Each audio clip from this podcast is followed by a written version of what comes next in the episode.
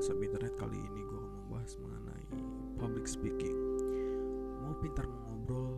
Hmm, Oke, kita akan mengambil salah satu contoh atau sampel contoh yaitu dari tokoh yang sangat penting, tokoh seorang perempuan yaitu Najwa Shihab.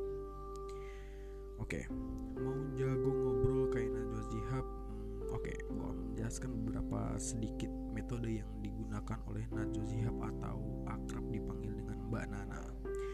Beliau seorang mantan pembawa acara berita TV. Sekarang udah punya acara TV sendiri namanya Mata Najwa yang berdiri sejak 2009. Mbak Nana ini sangat lihai dalam memutarbalikan ucapan sang lawan bicaranya.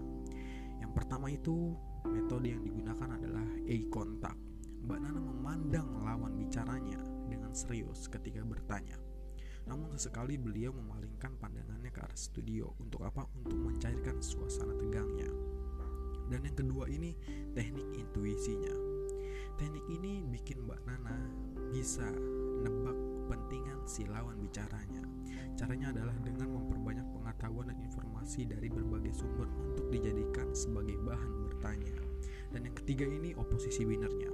Mbak Nana juga andal atau handal dalam mematahkan argumen dari lawan bicaranya jika jawaban yang diberikan berbelit-belit, nggak to the point intinya, terlihat menutupi sesuatu atau berbohong.